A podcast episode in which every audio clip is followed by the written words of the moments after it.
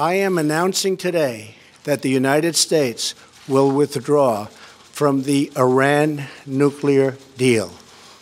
In a few moments, I will sign a presidential memorandum to begin reinstating U.S. nuclear sanctions on the Iranian regime. We will be instituting the highest level of economic sanction.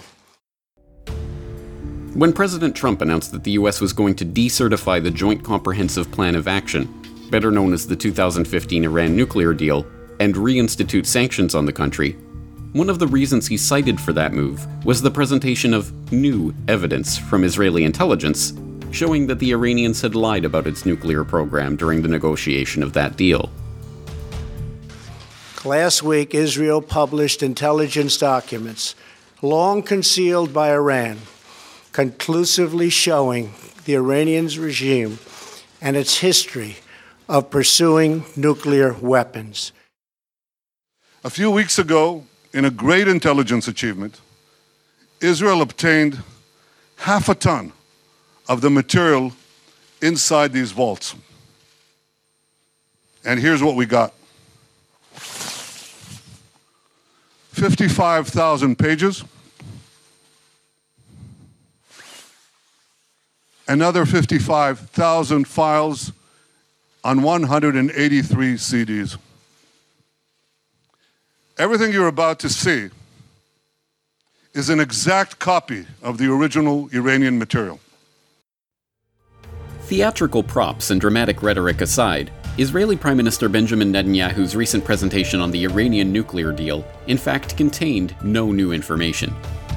That Iran had explored a nuclear weapons program prior to 2003 has been known and admitted for years. That they have an archive of this information is not a violation of the Iranian nuclear deal completed in 2015. In fact, if anything, Netanyahu's presentation actually proved the exact opposite of what was intended namely, that Iran is abiding by the terms of that treaty and is not covertly pursuing any nuclear weapons activity. That's why they had to go back to 15 year old information and present it as if it was something new and revelatory. But here's the real head scratcher in this new round of propaganda over the Iranian nuclear non threat.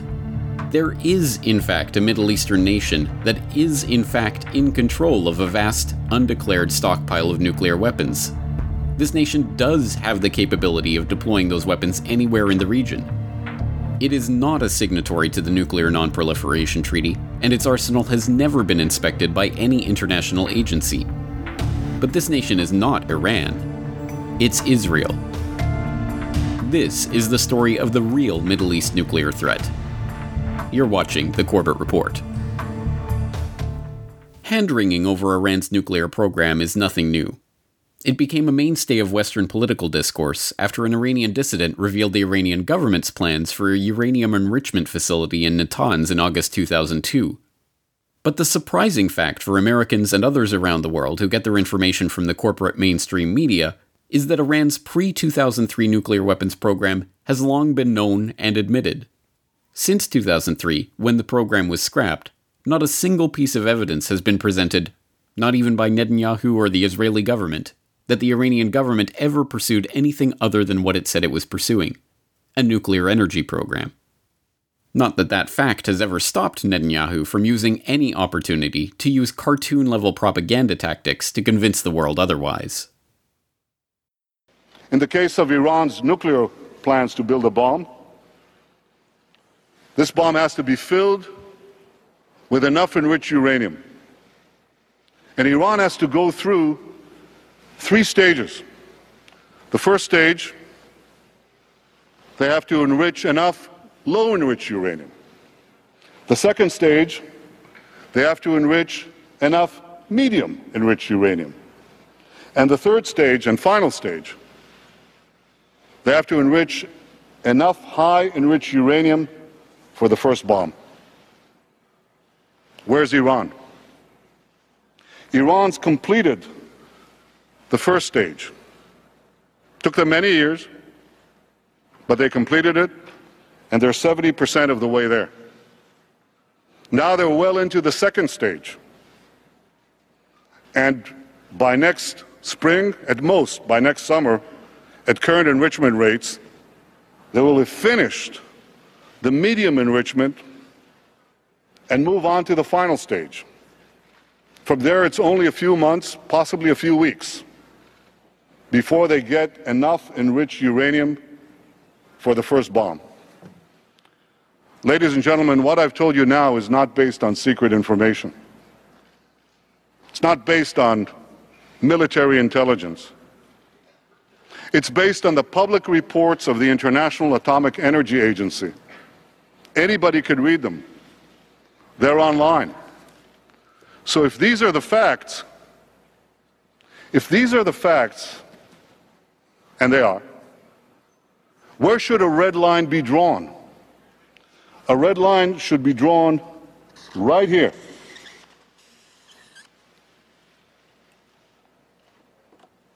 Before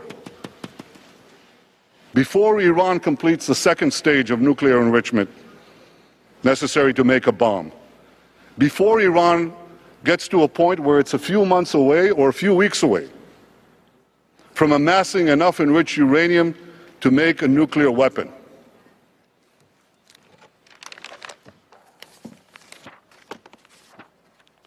Now, each day that point is getting closer. And that's why I speak today with such a sense of urgency. Of course, Iran was not pursuing nuclear weapons, and Netanyahu's wily coyote bomb and red line warnings bore no greater semblance to reality than the cartoon propaganda surrounding Saddam's weapons of mass destruction. Not only did the IAEA repeatedly confirm that Iran never diverted any nuclear material into any military program, but even the US intelligence community itself conceded that Iran was not trying to build a nuclear bomb. Most remarkable of all was Mossad's own assessment that Iran was not performing the activity necessary to produce weapons. As I detailed earlier this year in We Need to Talk About the Iran Protests, fear mongering over Iran's non existent nuclear weapons program was the basis for an extraordinary series of measures against the country in recent decades.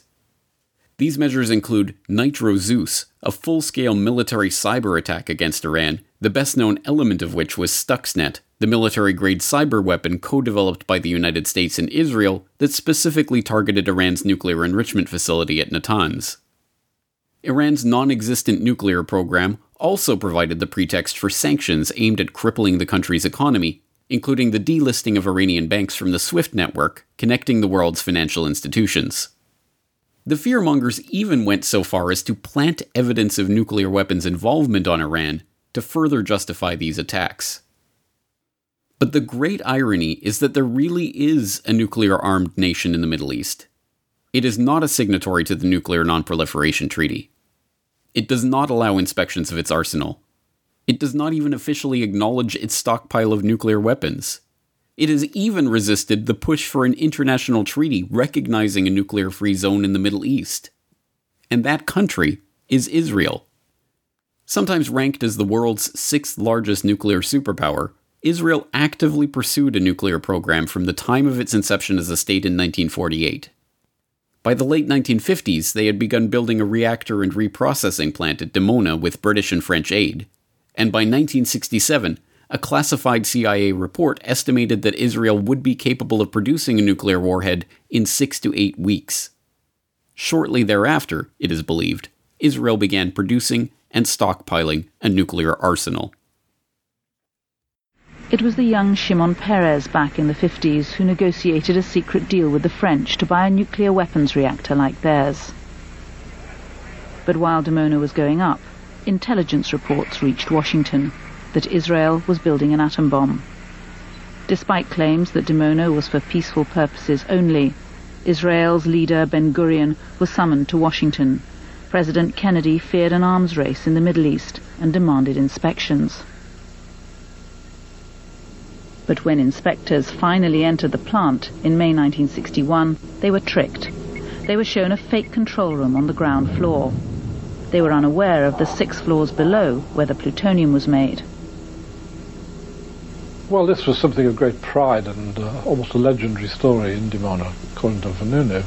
Uh, when the Americans came, uh, they were completely hoodwinked. All the entrances, including the lift shafts, were bricked up and plastered over, so it was impossible for anyone to find their way down to the lower floors. After Kennedy's assassination, the pressure on Israel was off. His successor, Lyndon Johnson, turned a blind eye. Then, in 1969, Israel's Golda Meir and Richard Nixon struck a deal renewed by every president to this day. Israel's nuclear program could continue as long as it was never made public.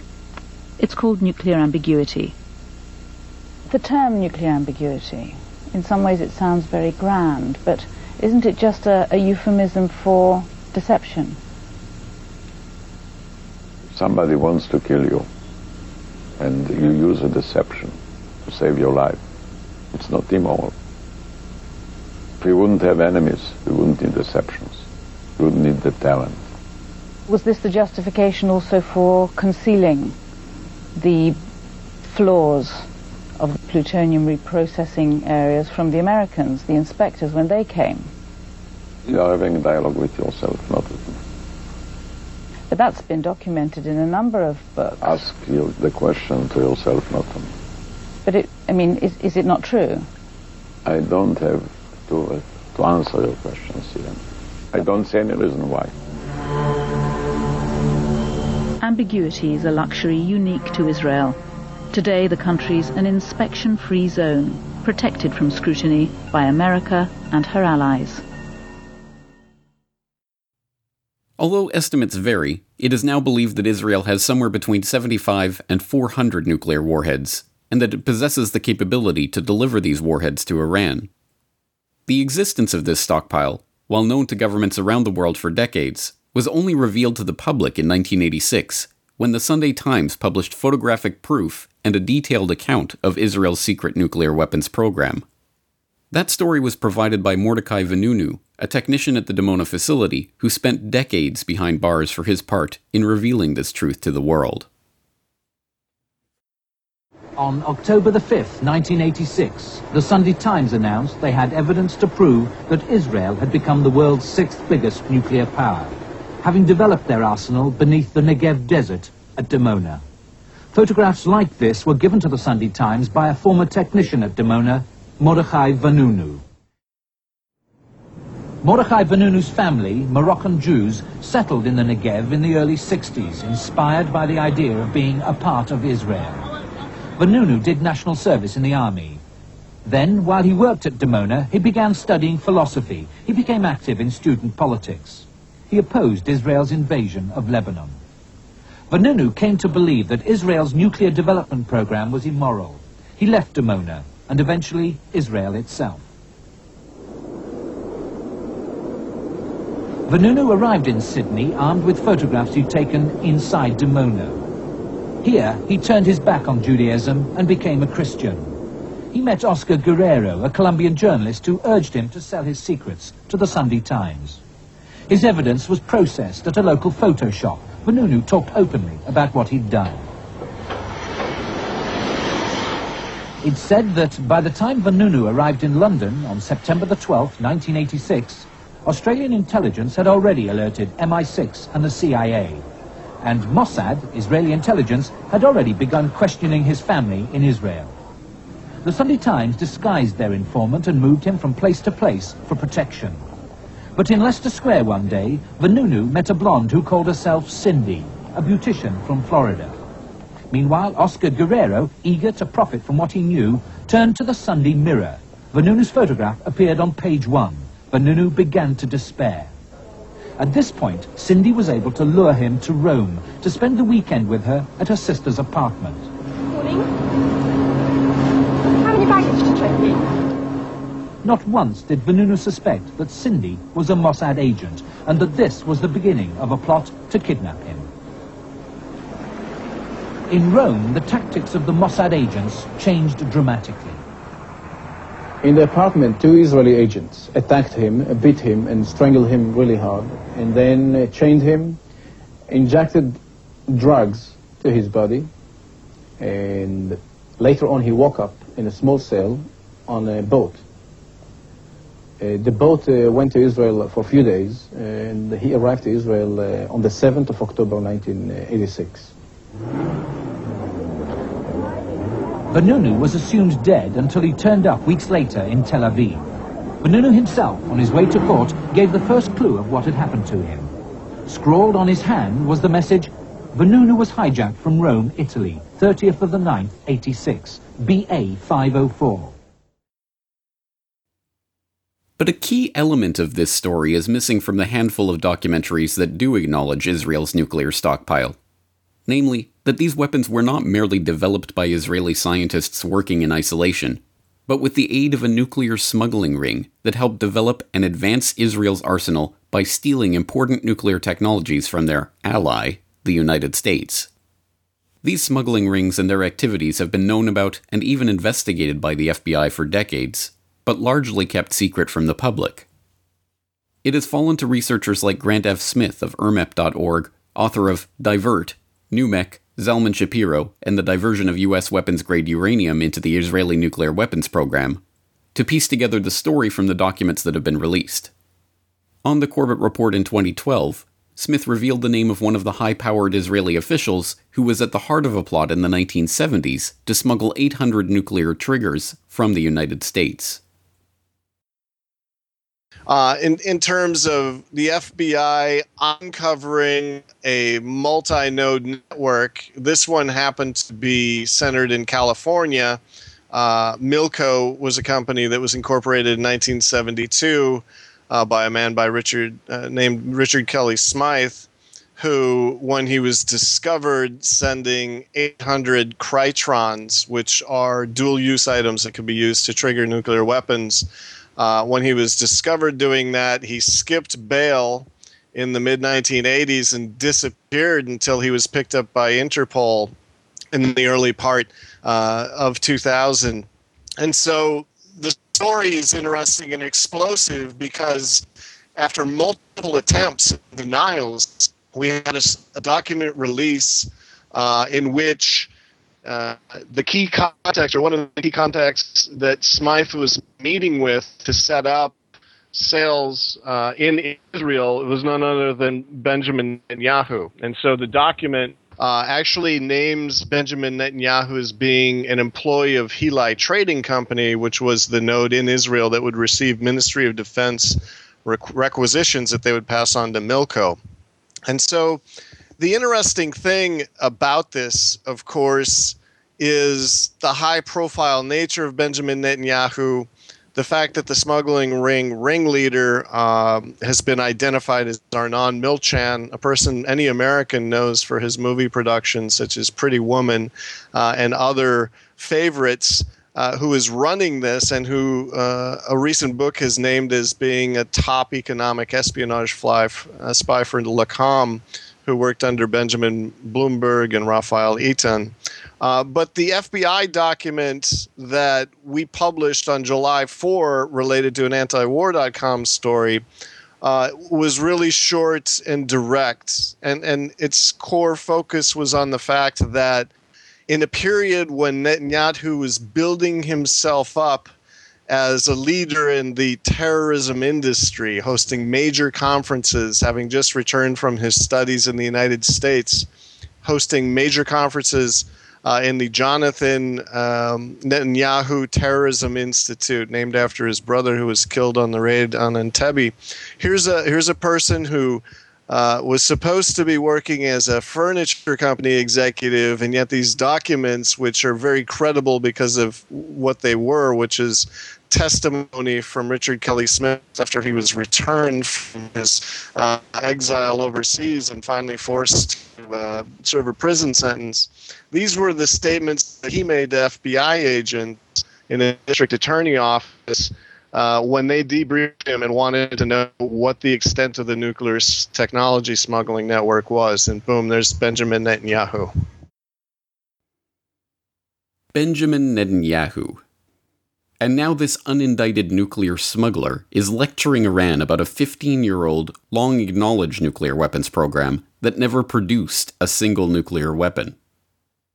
Even more worryingly, Israel's nuclear knowledge has not only helped to arm its own nation, but actually helped to proliferate nuclear weapons to Pakistan through the so called Khan network. One of the men who helped to transfer the nuclear triggers used in the construction of the Pakistani bomb was Asher Karni, an Orthodox Jew living in South Africa who had been a major in the Israeli army prior to emigrating to Cape Town. Upon his arrival there in 1985, he began teaching the Torah at the local synagogue and educating Jewish youth, encouraging them to relocate to Israel. In 2004, U.S. authorities arrested Karni for his role in supplying the nuclear triggers, and in 2005 he was sentenced to three years in prison. It has never been officially explained why this Israeli citizen and former Israeli military officer was interested in helping proliferate nuclear technologies to Pakistan. But perhaps the greatest irony of all is that it is Iran who has been arguing for decades that the Middle East should be a nuclear free zone. The idea was first floated by the Shah in 1969 and was first formally proposed by Iran in a joint UN General Assembly resolution, but the idea failed to garner any support. The idea was again raised by then Iranian President Ahmadinejad in 2006 and yet again by then Iranian Foreign Minister Mottaki in 2008. But these calls to banish nuclear weapons from the Middle East have not even been acknowledged by the West, let alone seriously considered. Now more than ever, the prospect of a nuclear free Middle East seems the only way to prevent a nuclear conflagration that threatens to draw in the world's superpowers, and yet this idea is being ignored by Israel and its staunchest ally, the United States. Why does Israel refuse to declare its nuclear weapons stockpile? Why do they refuse to sign on to the Nuclear Non-Proliferation Treaty? Why do they refuse IAEA inspections of their nuclear facility? Why did they kidnap and imprison Mordecai Vanunu for 18 years for providing the proof of this nuclear program? And perhaps most importantly, why does the United States, the only country who could single handedly force NPT compliance from Israel, still refuse to even admit the openly acknowledged status of Israel as a nuclear power. Don't hold your breath waiting for these questions to be answered by the teleprompter readers on the nightly news. Still, as even many in the mainstream are now admitting, Netanyahu's presentation on Iran's nuclear non secrets are a cheap display of political theatrics. The only thing he ended up doing is underlining the point that Iran, unlike Israel, fully cooperated with the IAEA lived up to its obligations as a signatory to the Nuclear Non-Proliferation Treaty and pointedly has not violated the 2015 nuclear deal. And now that the United States has allowed the Israeli tail to wag the American dog once again by decertifying that Iranian deal without valid cause, negotiators in North Korea and elsewhere will be watching, reminded yet again that a promise from the American empire isn't worth the signed agreement it's written on.